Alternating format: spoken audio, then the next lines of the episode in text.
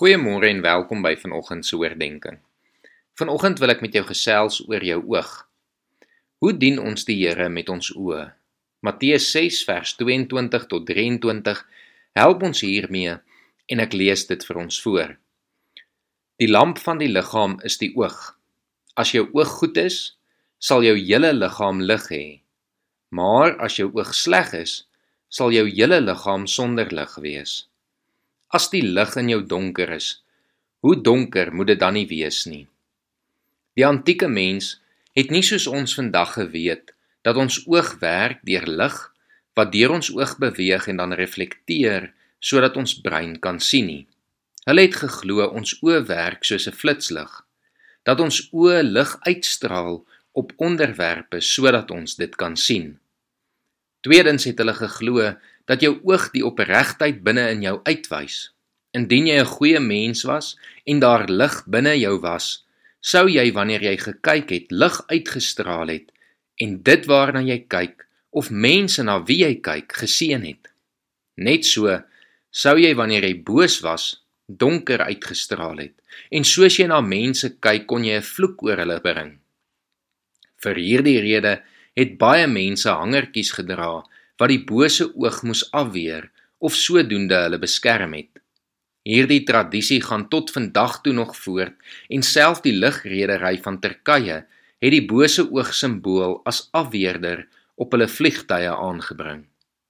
Ons moet dus al hierdie dinge in gedagte hou wanneer Jesus hierdie stelling in Matteus 6 vers 22 maak. En wat sê Jesus? Die lamp van die liggaam is die oog. Sy hele gehoor weet dit. Dis nie vir hulle iets niets nie. Maar dan sê hy, as jou oog goed is, sal jou liggaam lig hê. En as jou oog sleg is, sal jou hele liggaam sonder lig wees. Jesus ruil dit dus om. En skielik is dit nie meer iemand wat na jou kyk wat vir jou goed of sleg is nie, maar hoe jy na die lewe kyk wat bepaal of dit vir jou goed of sleg is. Die Griekse woord wat hier gebruik word om 'n goeie oog te beskryf, is 'n onverdeelde oog. Die slegte oog is 'n verdeelde oog. 'n Goeie oog is dis 'n oog wat onverdeeld op God gerig is, wat kyk soos wat God kyk, wat sien soos wat God sien. 'n Slegte oog is 'n verdeelde oog wat soms op God gerig is, maar soms gerig is op ons sondige natuur.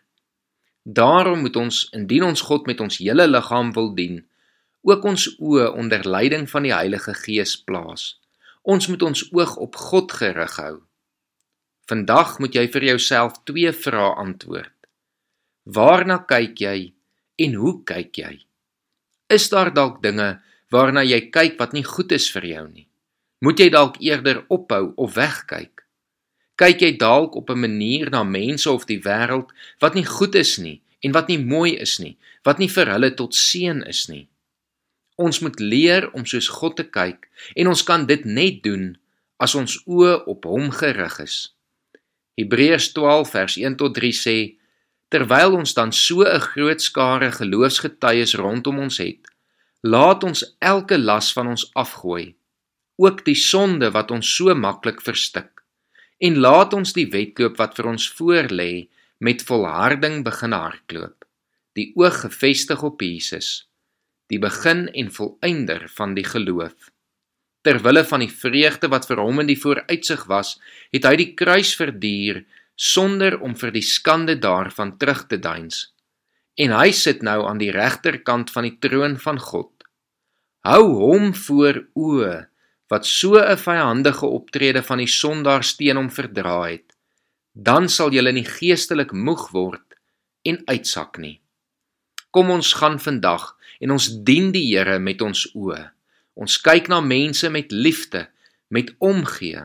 Ons waardeer die skepping rondom ons en ons weet ons verheerlik die Here met die voorreg dat ons kan sien. Kom ons bid saam. Here, dankie dat U ons oog so wonderlik geskep het, Here. Dat ons die vermoë het om die wêreld rondom ons te kan aanskou, om te kan sien hoe wonderlik U skepping is. Maar Here, ons kom vra dat U ons sal help om ons oë ook onder leiding van U Gees te plaas, Here. dat ons sal sien soos wat U wil hê ons moet sien, dat ons na ander mense met liefde en omgee sal kyk, Here, dat ons oë U sal dien oral waar ons kyk.